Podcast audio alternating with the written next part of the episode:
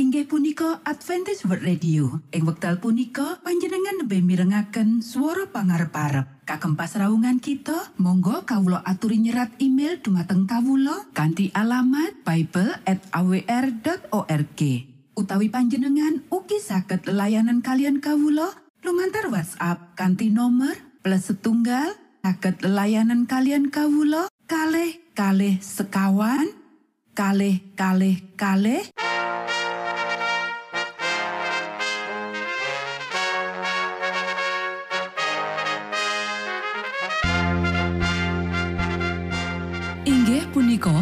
Adventist World Radio ingkang giaran kanti basa Jawi. Tentrem Rahayu kula aturaken kagem para mitra kinasih ing pundi papan lan panggonan. Sugeng pepanggian malih kalian Adventist World Radio.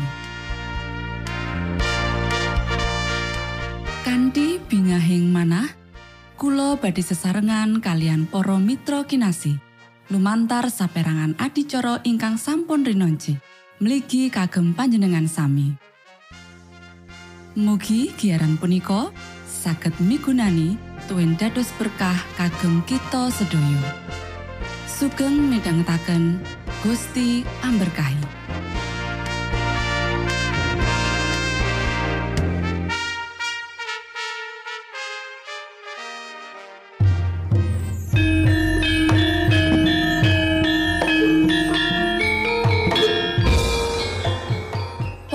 Para pamirsa kinasih ing Gusti Yesus Kristus, ing wekdal punika kita badhe sesarengan ing adicara ruang kesehatan ingkang saestu migunani kagem panjenengan saha kita sami.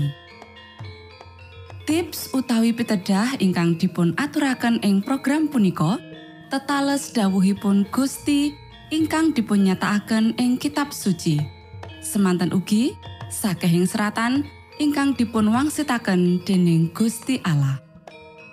Nanging saderengipun, monggo kita sami midhangetaken kidung pujian.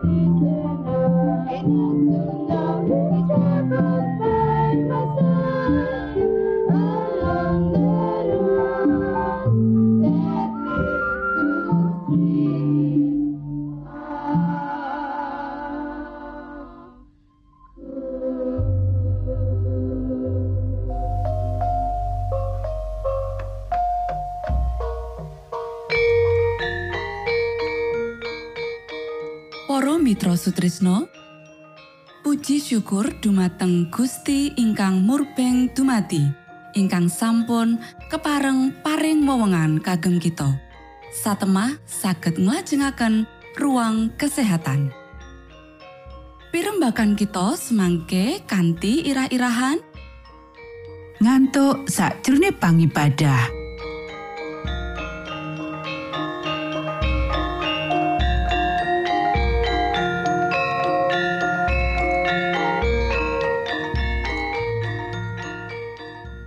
Dumateng para pamirsa ingkang dahat kinurmatan, sugeng pepanggihan malih kalian kula Isti Kurnaidi ing adicara ruang kesehatan. Ing dinten punika kanthi irah-irahan ngantuk sakjroning pangibadah. Para sedherek ingkang kinasih, menawa kita mangan nglewati wates, kita dosa marang badan kita dhewe. Ing dina sabat, ing sakjroning patalemani Gusti Allah, wong sing kakean mangan bakal lungguh keturon sawetara kabenerane Gusti Allah dipangandikaake. Dheweke ora bisa mbukak mripate amarga ngantuk. Dheweke ora bisa mangerteni khotbah sing diwenehake. Apa kue pikir wong kaya iki ngluhurake Gusti Allah lumantar badan lan roe sing ya iku kagungane Gusti? Ora. Dheweke ora ngluhurake panjenengane lan wong sing kejang weteng apa sebabe dheweke ngalami kejang weteng? Amarga bab iku wis dilakokake. Gantine nganut keteraturan, dheweke wis ngejarake selera nguasani dirine nganti kelemangan ing antarane jam mangan. Menawa pakulinane ya iku kekakean lungguh, dheweke ora entuk hawa swarga sing nguatake kanggo bantu pakaryan pencernaan. Bisa uga dheweke ora cukup mlakokake olahraga kanggo kesehatan. Para sederek ingkang kinasih, Gusti wis maringi pepadang marang kowe ngenani masalah tarak sakjroning kabeh bab. Kowe ora tarak sakjroning pakulinan mangan. Asring kowe ngisi wetengmu karo panganan sing ping pindho luwih akeh ketimbang sing diperlokake badan. Panganan iki bosok, napasmu mambu bosok. Dumati kangelan amarga peradangan sing ala. Wetengmu kerja lembur, tenaga dikerahake saka otak menyang weteng kanggo giling bahan panganan sing kowe wis lepokake menyang jerone weteng. Sakjroning bab iki, kowe wis nuduhake kurang welas asih marang awakmu dhewe. Kowe sawijining wong sing murka ing meja nedha. Iki sebab utama kenapa kowe tadi lalen lan kelangan pangeling-eling. Kowe ngandhakake samubarang sing aku ngerti kowe wis kandhakake. Banjur kowe muter iku lan ngandhakake samubarang sing beda babar pisan. Aku mangerteni bab iki nanging elingo menawa iku akibat pakulinan kakean mangan. Apa gunane bab iki diomongake? Iku ora bakal marekake piolo.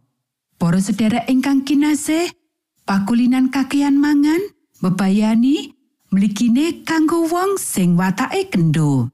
Wong kaya iki kudu mangan mung sedidik lan olahraga luwih akeh. Ana sing duweni kewasisan pinunjul sing alamiah tanpa latihan pengendalian diri. Sakjroning bab pengendalian selera, dheweke ora bisa nglaksanakake setengah saka sing kutune bisa dilaksanakake. Akeh penulis lan ahli pidato gagal sakjroning bab iki. Sakwise mangan nganti sakwareke, dheweke makarya karo lungguh sami maca, sinau lan nulis ora nggunakake wektu kanggo olahraga. Dadi akibate, aliran pikiran lan kelancaran tembung-tembung kaganggu. Dheweke ora bisa ngomong utawa nulis kanthi cara efisien kanggo jamak atine sing maca utawa sing ngrungokake. Pambudidayane ringkeh lan ora kasil. Dheweke sing nyekel tanggung jawab wigati ing sakndure kabeh samubarang, para wali perkara-perkara rohani, kudune ya iku wong-wong sing duweni naluri sing landhep lan pikiran sing lantip. Sing paling wigati, dheweke perlu tarak sakjroning bab panganan. Panganan sing mewah sing kutune ora entuk papan ing ndure meja nedoni. Matur nuwun, Gusti amberkahi.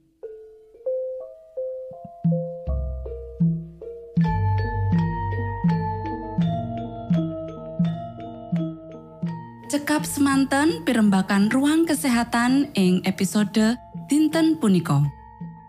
Ugi sampun kuatos jalaran kita badhe pinanggih malih ing episode sak lajengipun.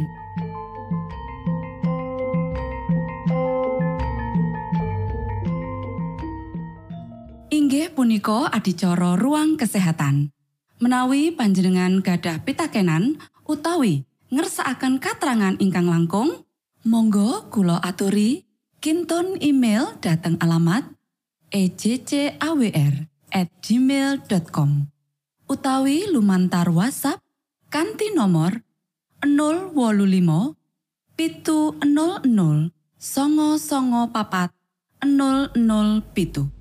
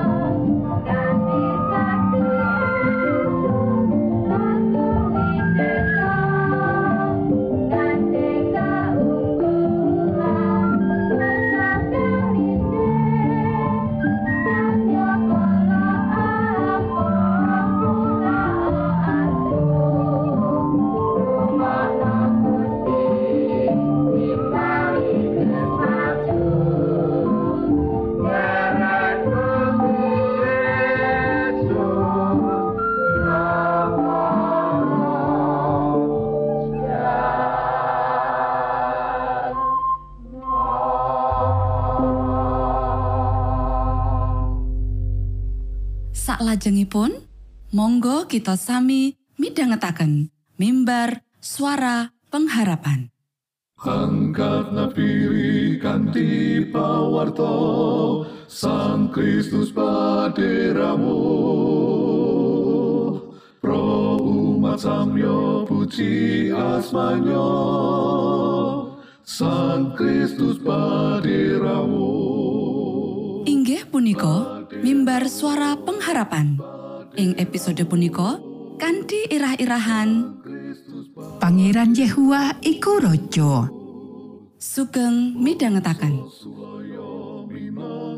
tondo Sang Kristus paderamu ilmu kawero tambah tambah Sang Kristus paderamu paderamu paderamu Sang Kristus paderamu Shalom para sedherek ingkang kinasih. Sakmenika kita badhe mitangetaken renungan Sabda pangantikanipun Gusti. Ing dinten punika kanthi irah-irahan Pangeran Yehua iku raja. Para sedherek ingkang kinasih, ayo diwaca kitab Sabur pasal 97 ayat siji nganti songo. Pangeran Yehua iku raja. Salumaing bumi karpen surak-surak. Pulo-pulo karpen akeh kang padha sukoreno. Panjenengane kubengan ing mega lan pepeteng. Keadilan lan angger-angger kang dadi tetalesing dampare. Geni lumaku ana ing ngarsane lan gesengake satrune ing sakiwa tengene. Kilate padha madangi jagat, bumi ndeleng temah gumeter. Gunung-gunung padha ajer prasasat malam ana ing ngarsaning Sang Yehua. Ana ing ngarsane Gustine salumahing bumi. Langit martakake keadilane lan saking bangsa padha nyawang kaluhurane. Sarupane wong kang ngabekti marang reca bakal padha nandang wirang, wong kang padha gumunggung marga saka prahala-prahala saking Allah padha sujud nyembah marang panjenengane. Sion mireng wartosipun temah bingah. Sarta para putrinipun Yahuda sami surak-surak. Margi saking paukuman patuko doh Yehua. Awit patuko punika doh Yehua ingkang moho luhur. Ingkang mengku salumaing bumi, patuko linuhuraken sanget nglangkungi sakatahipun Allah. Para sedherek ingkang kinasih, raket kaiket saknyatane ora bisa dipisahake marang pangeran minangka pangripta ya iku pangeran kang kagungan kuwasa minangka panguwasa. Pranyatan Pangeran Yehua iku jumeneng raja dinyatakake ing kitab Sabur pasal 93 ayat 1, pasal 96 ayat 10, pasal 97 ayat 1 lan pasal 99 ayat 1. Nanging gumepiare ing sakabehing kitab Sabur. Sang Yehua Allah kang kalimputan kamulyan, kasantosan lan kadigdayan, Sabur pasal 93 ayat 1 lan pasal 104 ayat 1, panjenengane kubengan ing mega lan pepeteng. Sabur pasal 97 ayat loro, nanging uga ingkang asing padang kados dene nyamping. Sabur pasal 104 ayat loro. Praumpamaan iki ngagungake kakuatan lan kaluhurane sang raja lan dipilih kanthi satiti kanggo ngungkapake kamulyaning Gusti Allah kang ana ing jabane nalar manungsa. Para sedherek ingkang kinasih, paprentahane Gusti Allah katutuhake sakjroning pakaryan tumita. Sabur pasal 96 ayat 5. Kawilujengan Sabur pasal 98 ayat loro lan pangadilan Sabur pasal 96 ayat 10. Gusti Allah wis netepake kratone ana ing salumaing bumi. Sabur pasal petang pitu ayat pitu nganti 10. Kratone Gusti Allah minangka kraton kang langgeng, tanpa tanding sakjroning panguwasa lan kaluhuran. Sabur pasal petang limo ayat pitu, pasal sangang telu ayat siji lan loro, lan pasal satu telu ayat songolas. Paprentahane Gusti Allah kacecekake dening sih kadarman lan kasetyan, keadilan lan kayekten, lan ndadekake katertiban lan katentreman ing donya kang dititahake. Sabur pasal sangang telu ayat telu lan pasal sangang songo ayat papat. Paprentahan Gusti Allah nyawicikake kang ana ing swarga lan ing bumi kanggo ngluhurake Gusti Allah. Sabur pasal 103 ayat 22 lan 23 lan pasal 148.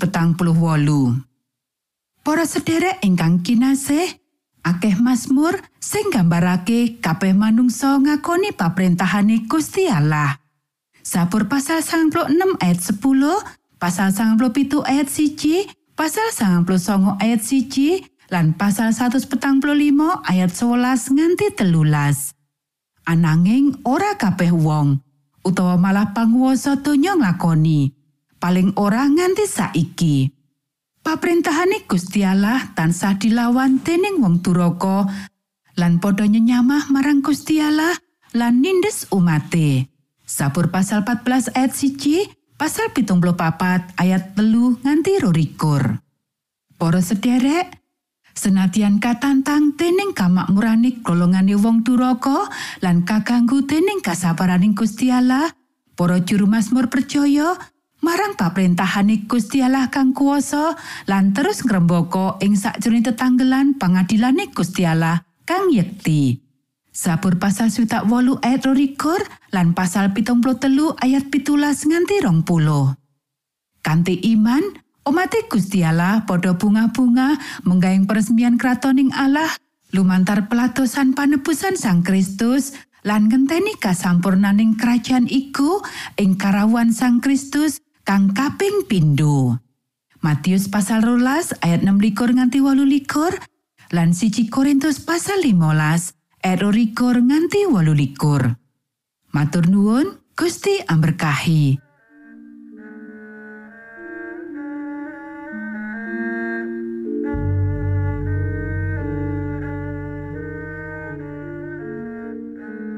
Para Mitra Sutrisno pamiarsa kinasih ing Gusti Yesus Kristus. Sampun paripurno pasamuan kita ing dinten punika. Menawi panjenengan gadah pitakenan utawi ngersaakan seri pelajaran Alkitab suara nubuatan Monggo Kulo aturi kinton email dateng alamat ejcawr gmail.com utawi lumantar WhatsApp kanti nomor 025 pitu 00 songo songo papat 00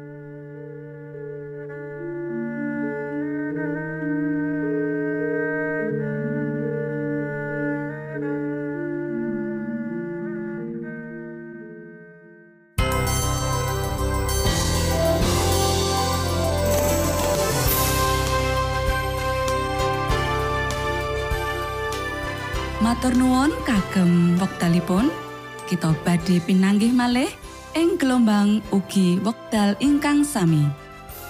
Saking studio kula ngaturaken tentrem rahayu. Gusti amberkahi kita sedaya. Maranata.